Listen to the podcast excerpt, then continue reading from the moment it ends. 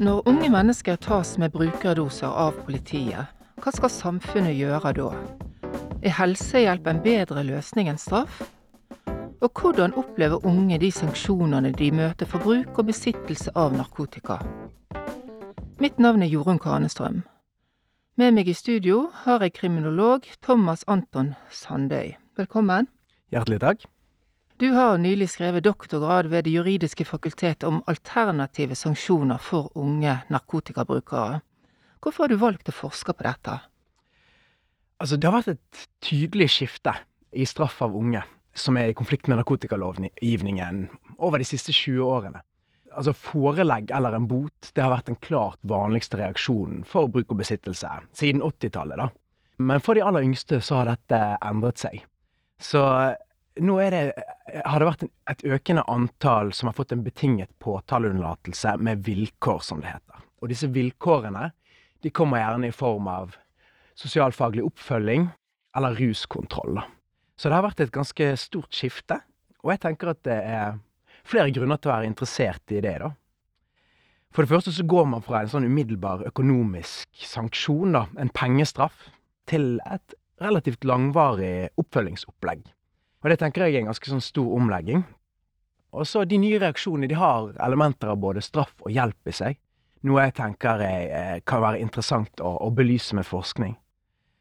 Så tenker jeg òg altså bruk og besittelse eh, av illegale rusmidler, da, eller narkotika, det er et relativt vanlig lovbrudd blant unge. Så dette her er reaksjoner som eh, har rammet ganske mange. Og så til sist så tenker jeg at straffereaksjoner eller tiltak mot unge, de implementeres gjerne eller evalueres uten input fra de det gjelder, da.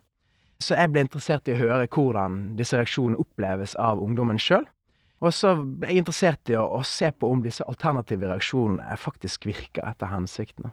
Vi har også med oss en jurist i studio, Morten Holmboe, som er professor ved Politihøgskolen. Han har også skrevet doktorgrad ved Det juridiske fakultet om teori og praksis i norsk straffeutmåling i da grenselandet mellom fengsel og mildere reaksjoner. Og videre så har han skrevet om ungdomsstraff, samt om avkriminalisering av bruk og besittelse. Velkommen. Tusen takk. Morten, kan du ta oss raskt igjennom bakteppet for at rusavhengige ikke lenger skal straffes for å oppbevare mindre mengder narkotika til eget bruk?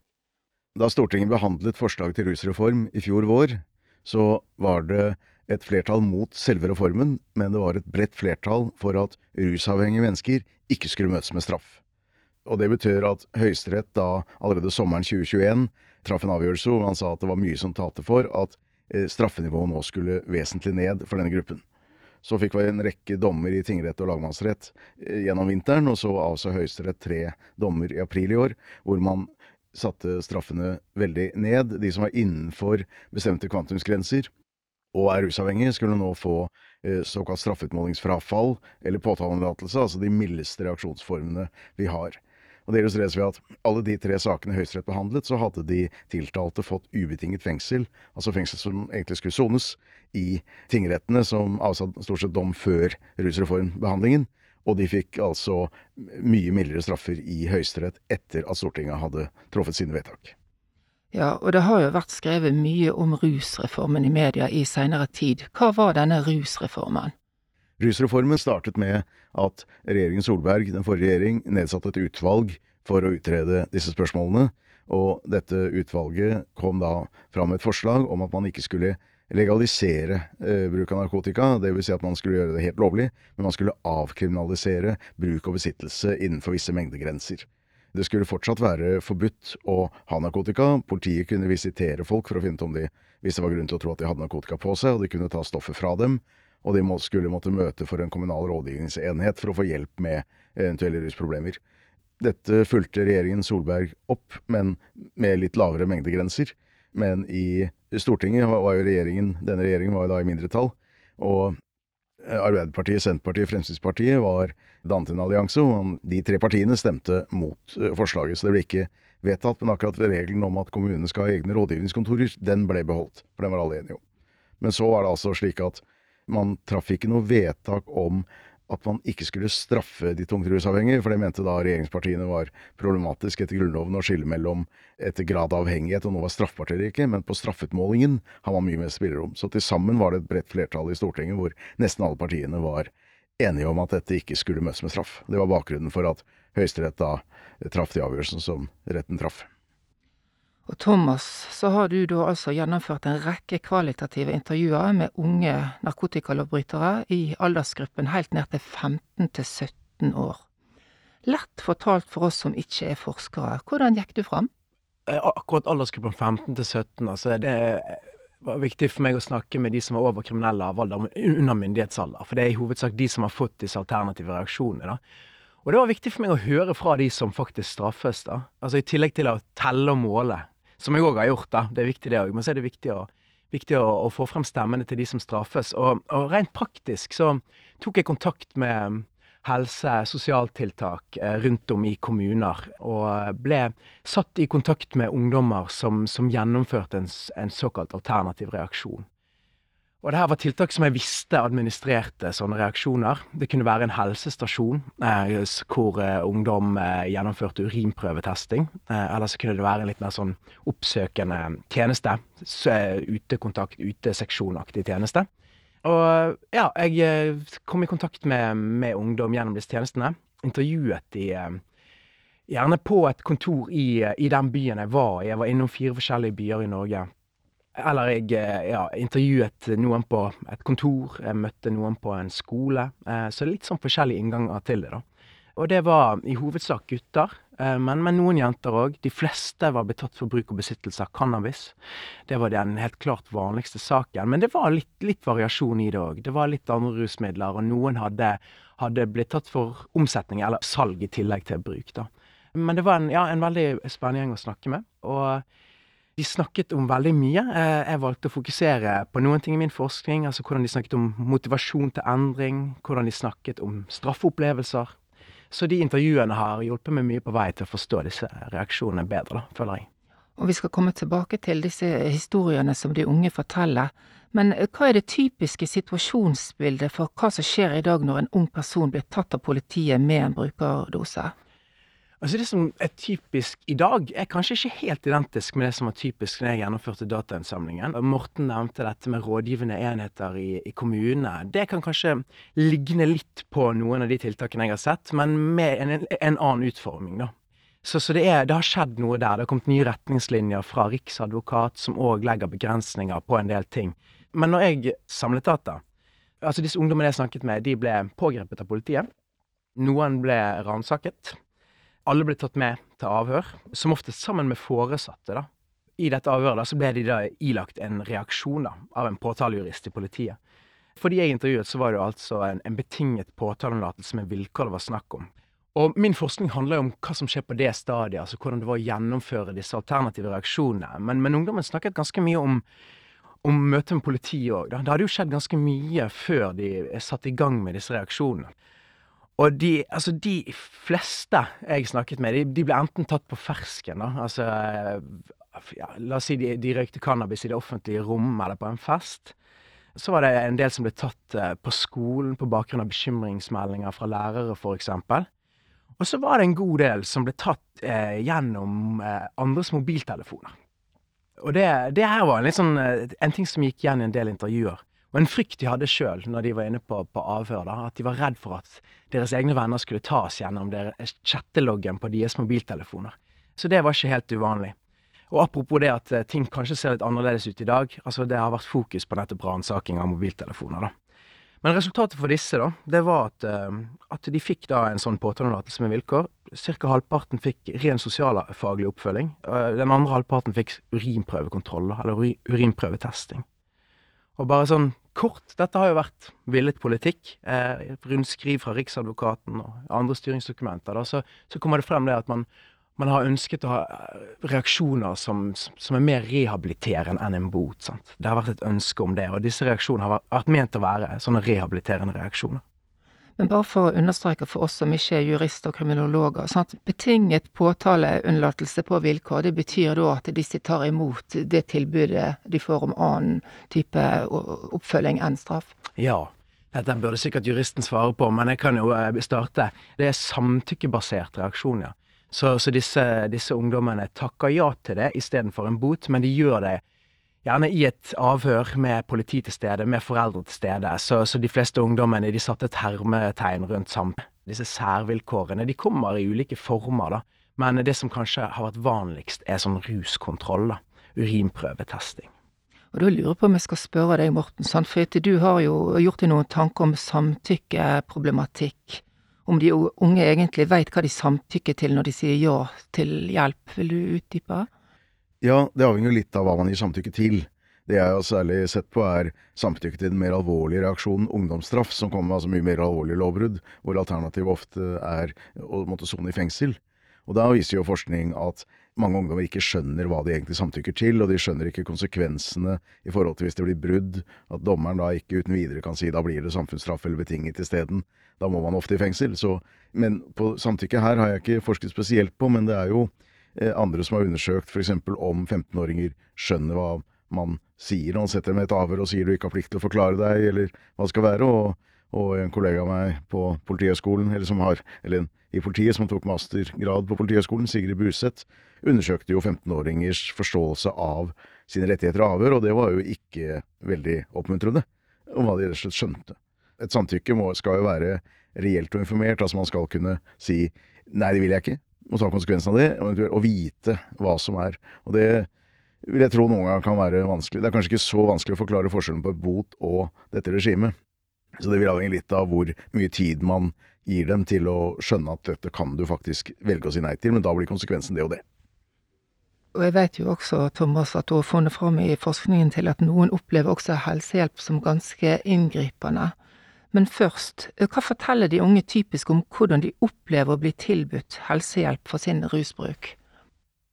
Det var stor variasjon på tvers av kommuner og politidistrikter, da. Eh, og det er det nok fortsatt.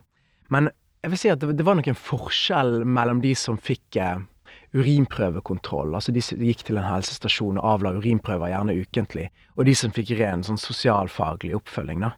De fleste jeg snakket med, de opplevde jo at uh, sosialarbeidere var, var lyttende, forståelsesfulle.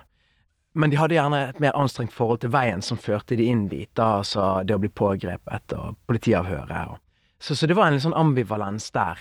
De satte pris på den fleksibiliteten de ble møtt med i tiltaksapparatet. Det var mange av de jeg snakket med.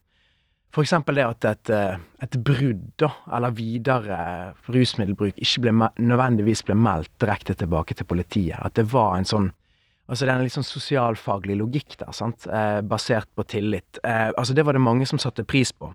Men de aller fleste opplevde samtidig disse intervensjonene som en straffereaksjon. Det var ganske åpenbart for dem. så, så i mindre grad alternativer til straff. Altså, det, det, det ble nok opplevd som en alternativ straff, ja. Ja, for du skriver jo i din avhandling at helsehjelpen og oppfølging av sosialtjenesten også kan oppleves som frihetsberøvende og som tøff å stå i. Vil du utdype? Så dette her er jo reaksjoner som, som har blitt fremstilt som alternativer til straff. Eh, og Morten nevnte jo tidligere altså en, en betinget påtalelatelse er jo en mild reaksjon, i hvert fall i møte med en god del lovbrudd. Men det som har skjedd her, er jo at man har erstattet forelegget, eller pengestraffen, med en, en intervensjon som går over litt tid. Og dette er det vi gjerne sånn i kriminologien kaller en, en velferdssanksjon. Altså man har sterke ambisjoner om å hjelpe og rehabilitere. Og så er det en del forskning som viser at en sånn tilnærming til lovbrudd ikke nødvendigvis fører til liksom mildere straffer. Eh, altså tvert imot, eh, hvis man har høye ambisjoner om å hjelpe og rehabilitere, så kan man ofte få vel så inngripende reaksjoner. Så Derfor tenkte jeg det var viktig å, å skrive litt om hvordan, hvordan disse ungdommene opplevde liksom det straffende elementet i det. da. Og, og, det var noe de snakket mye om. Eh, de snakket om tap av tid, som selvfølgelig ikke er så overraskende, for man erstatter nå en sånn umiddelbar økonomisk smekk på fingrene med, med oppfølging over tid. Eh, så det her var jo noe som gikk igjen. Eh, at det at de gikk og ventet på å bli ferdig med denne reaksjonen.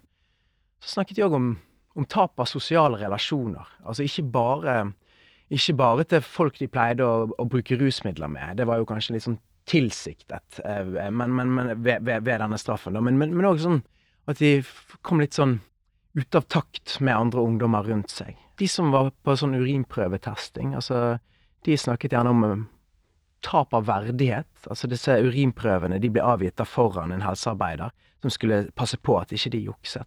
Så det føltes veldig ubehagelig for mange, spesielt i starten. da. Og så har jeg òg beskrevet noe som jeg kaller tap av selvråderett, som gjerne handler litt om de som har et litt sånn større tiltakstrykk. Kanskje noen av de som Morten har skrevet om, som har vært i litt sånn ungdomsoppfølgingsløp, da, som har veldig mange avtaler i løpet av en uke. De beskrev gjerne det at, altså at ungdomstiden ble en politigreie, eh, og at, at, ja Når de beskrev uken sin, så hørtes det litt ut som min egen uke, liksom. Møter, eh, møter her og møter der. Så jeg har beskrevet noen sånn konkrete opplevelser av straff, og jeg tenker det kan være viktig å ha med seg, da når man implementerer nye reaksjoner, spesielt overfor barn og unge. Morten, hva tenker du når du hører dette? Dette er jo noe som er et dilemma med straffen ofte, at når man, altså når man har den rene straff, for å si det sånn, så er man klar over at her er jeg, og der er du, og vi er på sett og vis motparter, selv om straffen skal virke rehabiliterende. Når man begynner med dette med disse velferdsstraffene, så er det nok lettere at man tenker at det er nok best for deg at det tiltaket varer over en stund mens man vanligvis vil se det for lovbryteren som et gode at strafftiden blir kortest mulig, så er det fort, her fort gjort å tenke at det er jo vanskelig å løse dette på mindre enn så og så mange måneder. At da kan, man kan gå litt sånn gråsone mellom straff og hjelp, som kan føre til egentlig mer inngripende sanksjoner enn det man ville gjort hvis man bare så på det som en tilførelse av et onde, som, det, som straffen er den klassiske eh, begrunnelse. Ja, for du har jo blant annet forska på straff og straffens formål. Hva er egentlig straffens formål i samfunnet i dag? Ja, det er um, et veldig godt spørsmål, for der finnes det mange svar. Det som særpreger straff, er jo egentlig at alle samfunn praktiserer en eller annen form for sanksjonering av uønsket atferd, mens begrunnelsene kan skifte en del hvis du ser både fra forskjellige land og forskjellige tider. Men i dag, så hvis du ser på den nye straffeloven som vi fikk da for noen år siden, så er det uttalt at straffen skal redusere kriminaliteten i samfunnet. Altså man tenker rent nyttemessig. For det finnes to grunnleggende filosofier som ofte blandes, ofte har De låner litt fra hverandre, men helt prinsipielt så kan man si at enten kan man se straff som en ren gjengjeldelse. Du gjorde dette, da må vi gjøre sånn med deg. Uten egentlig å tenke hva er konsekvensen av det for samfunnet osv., men såpass må det være. En annen variant er å tenke såkalte prevensjonsteorier, og si at vi må holde et visst straffenivå her, fordi at både hensyn til alle de som ellers kunne bli fristet til å begå lovbrudd, eller de som blir urolige pga. mange lovbrudd, men også hensyn til lovbryteren, at det skal være sånn at når du er ferdig med den straffen her, så er det kanskje mindre sjanse at du gjør det igjen. Enten fordi det har svidd så mye, eller kanskje du har fått, uh, fått en rehabiliterings uh, under straffegjennomføring. For det skal man ikke underslå at en del ganger så vil jo disse tingene faktisk bidra positivt i et, uh, hvis man ellers har en del problemer. Og så kommer vi da inn på hva fører dette til, og hvis man setter helt på spissen, så kan jo begge teorier føre helt galt av sted hvis man tar dem helt, drar dem helt til konsekvens. For da, altså hvis man ser på gjengjeldelse, så er det jo egentlig nesten ingen grense for hva man kan si er en rettferdig gjengjeldelse for de mest alvorlige lovbruddene. Altså det er jo egentlig et rettskulturelt og samfunnskulturelt spørsmål, hva som er rettferdig gjengjeldelse. Men også med prevensjonsteoriene, fordi at altså på spissen, hvis man sa at det var ti års fengsel for promillekjøring, eller for å besitte seg et gram hasj, så ville nok det få ned den typen lovbrudd ganske mye. Men det blir jo helt uakseptabelt å sette folk i fengsel i ti år for relativt små ting. Sånn at derfor må det hele tiden balanseres med hva som er rettferdig, og hva som kan være nyttig. Så prevensjonsteoriene er de formelle utgangspunkt i norsk strafferett, men det er jo samtidig store grader av hva, hva er rettferdig, fordi Faktisk er det slik at en norsk dommer kan sitte og si at skal vi gi fengsel eller samfunnsstraff eller betinget fengsel her, eller så skal det også måtte sone eller ikke, og så kan en norsk dommer si eh, i hvert fall tidligere så var det ganske mange dommer man sier av hensyn til allmennprevensjonen så må det bli fengsel i denne saken. Men det er klart at dommeren har ingen mulighet til å beregne om det å gi fengsel for la oss si et trygdebedrageri på 80 000 eller på 100 000 kommer til å påvirke lovlydigheten i samfunnet. Det, dette, er jo, dette, er jo, egentlig et valg av hvor streng man skal være. Men det høres ofte finere ut å si at man eh, har et nytteperspektiv. Ja, og, og formålet som du har sett på, blant annet, og eh, Thomas, er jo dette her med rehabilitering, ikke sant? Hva viser forskningen din at motiverer unger til endring i forløpet de går igjennom? De snakket ganske mye om endring, og eh, den tingen som, som var, gikk mest igjen, da, det var dette med forholdet til foreldre omsorgspersoner. Eh, de snakket mye om å gjenopprette brutte tillitsforhold til foreldre.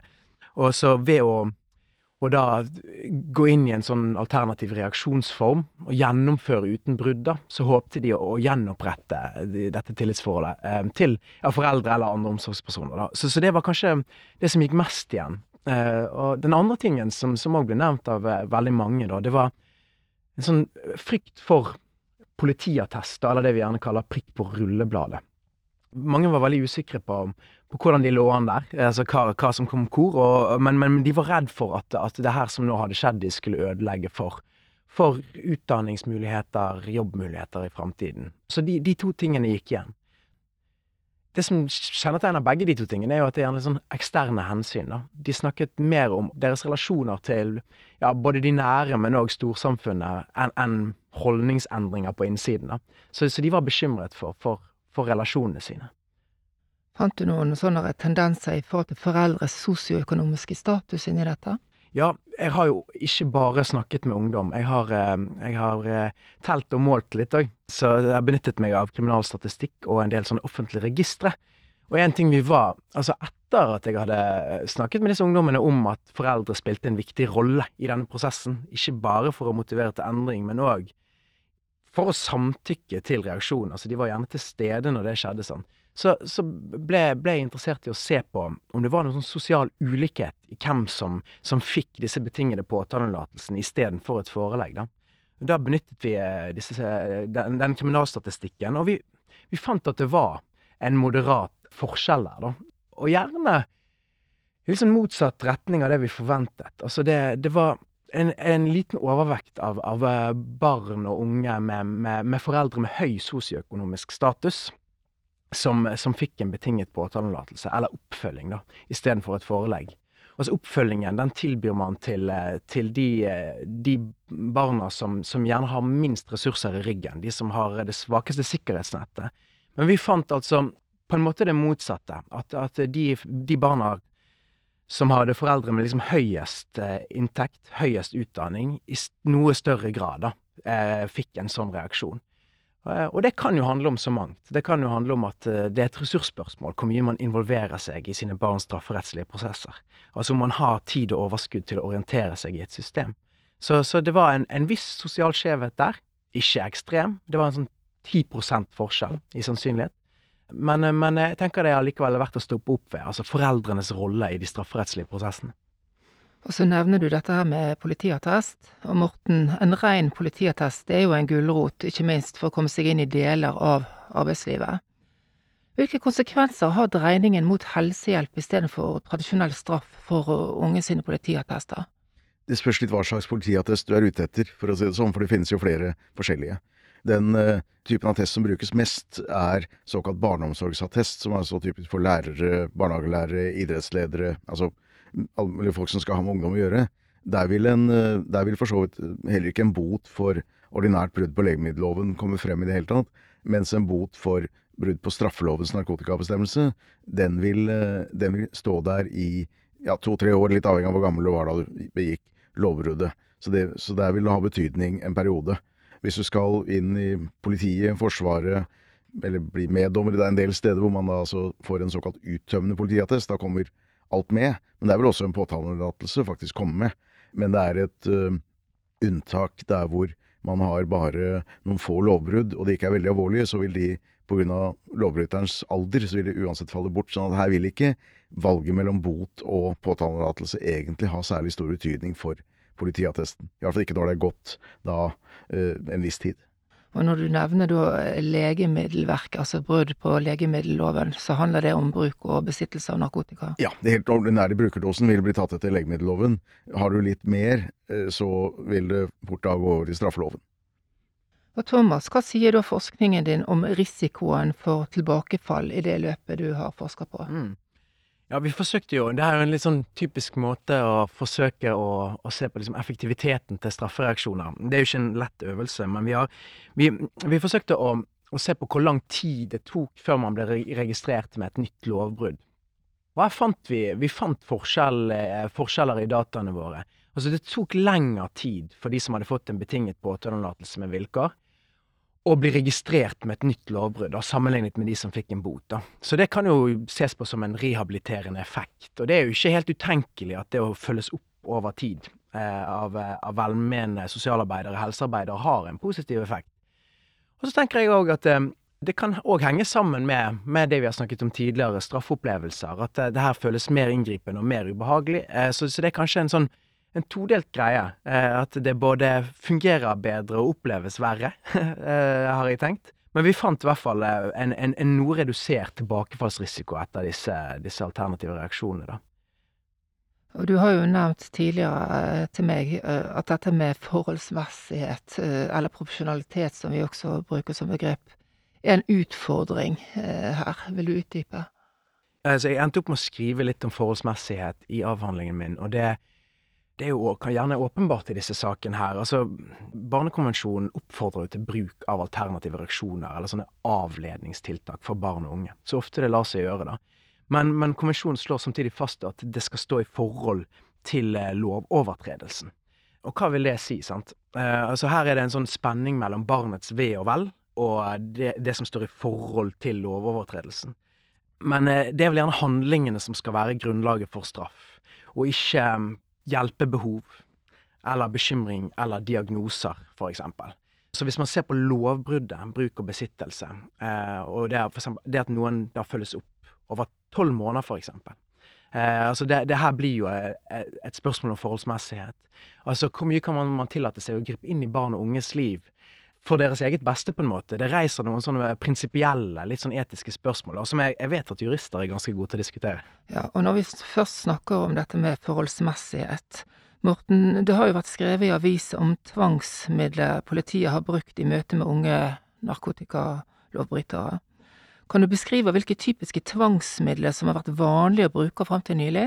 Ja, det som denne debatten om rusreformen egentlig viste, var at det fantes åpenbart en oppfatning hos mange i politiet og påtalemyndigheten om at narkotika eh, Altså når man finner noe med narkotika, så kan man etterforske nærmest til bunns for å finne det hele. Altså med andre ord, hvis, da, hvis man da er politi, og så finner man da et, gram hasj i, i en lomme hos en, så eh, har da en del politifolk og, og jurister, politijurister eh, og statsadvokater ment at da kan man måte tenke som så Men han må ha kjøpt det av noen. Da må vi ransake ikke sant? Da må vi ransake For det har det vært tilfelle av ransaking også av eh, sånn kroppslig ransaking på åpen gate, eh, helt nede i undertøyet, for å se om det var mer. Så har det vært tilfelle at man undersøker da nettopp mobiltelefonen, kanskje undersøker ransaker på bopel. Ikke for å oppklare at Petter hadde to gram hasj, for det er, opp, det er jo oppklart. Men hvem har Petter kjøpt det av? Har han Altså, hvordan kan vi nøste opp dette nettverket? Og det var da og det ble argumentert med fra motstandere av rusreformen, at vi må beholde disse verktøyene. Hvorpå da Riksadvokaten sa at men dere har jo ikke de verktøyene i det hele tatt. Så han sendte jo da et brev 9. april i fjor om, og, og minnet da på en måte om hva som er gjeldende rett om dette. Det, var, det er blitt utlagt som at uh, Riksadvokaten nå nærmest har endret loven og tatt fra politiet verktøy, og det er jo til dels fremtredende politikere som har hevdet at, uh, at Riksadvokaten nå nærmest har legalisert narkotika i samfunnet. Men det er åpenbart ikke riktig. Det Riksadvokaten gjorde, var å si at sånn er loven, og sånn har det faktisk vært veldig lenge. For det betyr jo at hvis, hvis jeg har altså to gram hasj, så er ikke jeg medskyldig i at noen tok inn 50 kilo for tre måneder siden for å selge dette til masse forskjellige folk. Altså, Med mindre jeg har bestilt det. det? Sånn at du, du må si at dette er denne personen. Denne personen er mistenkt for noe som gir en bot på 2000-3000 kroner, eventuelt en ungdomsoppfølging. Mens eh, den som har solgt dette, selv om han skulle ha solgt til alle ungdommene i hele byen, så er jo ikke denne ene kjøperen medskyldig i det. Den regelen er egentlig veldig klar straffeprosessuelt, men det har vært veldig nyttig for mange politifolk, mente de, og undersøke hele livet til et menneske eh, for å ta de andre. Det er noen hjemler for det, men da skal det være spesielt sterke grunner for det. Og det er jo så man er helt bort fra. Skal vi da oppsummere med et siste spørsmål? Eh, Jeg kan sende det til deg, Thomas. Eh, Hvilken rolle tenker du at straff fortsatt vil ha i en eller annen form i møte med unge narkotikabrukere framover? Det er et veldig godt spørsmål. Altså, fra juli i år så skal vel alle kommuner ha fått på plass en sånn rådgivende enhet for russaker. Så disse sakene som jeg har forsket på, da, de skal da i hvert fall i teorien kanaliseres inn i, i noe, noe litt nytt. Eh, Så jeg er litt usikker på utformingen av disse enhetene. Kom fra regjeringens side at man antar at de vil bli mye mindre brukt enn disse reaksjonene jeg har sett på. Noe som henger sammen med noe av det Morten snakker om, at eh, man har fått eh, Altså, man har ikke fått nye retningslinjer, man har fått klargjort retningslinjene for politiets tvangsmiddelbruk. Så da har man hørt litt sånn historier at nå får vi færre ungdom inn i, i disse sporene, da. Så det, det er et ganske åpent og spennende spørsmål du stiller. Fordi vi er nok Det er en, en oppleves som en, en brytningstid, kanskje. Men noe rådgivning og oppfølging er, er, har man jo tenkt å ha, da, tydeligvis gjennom disse rådgivende enhetene. Og det her vil det sikkert være ganske stor forskjell mellom kommuner og sånn, men denne tanken om at man skal hjelpe istedenfor å straffe, er, er i hvert fall i teorien bakt inn i det systemet. Så får vi se hvordan det blir. Jeg er, jeg er litt spent sjøl. Da er vi ved avslutningen av denne podkasten om unge narkotikabrukere og helsehjelp kontra straff. Takk til Thomas Anton Sandøy, som til daglig er forsker ved Folkehelseinstituttet, og til professor ved Politihøgskolen Morten Holmboe. Begge har skrevet doktorgrad ved Det juridiske fakultet. Produsent var Yvonne Petrem, og teknisk ansvarlig var Mari Lesteberg. Vil du høre mer om hva som rører seg her på Universitetsplassen, så anbefaler jeg at du abonnerer på oss i den podkast-appen du pleier å bruke til vanlig. Jeg heter Jorunn Kanestrøm og takker for følget.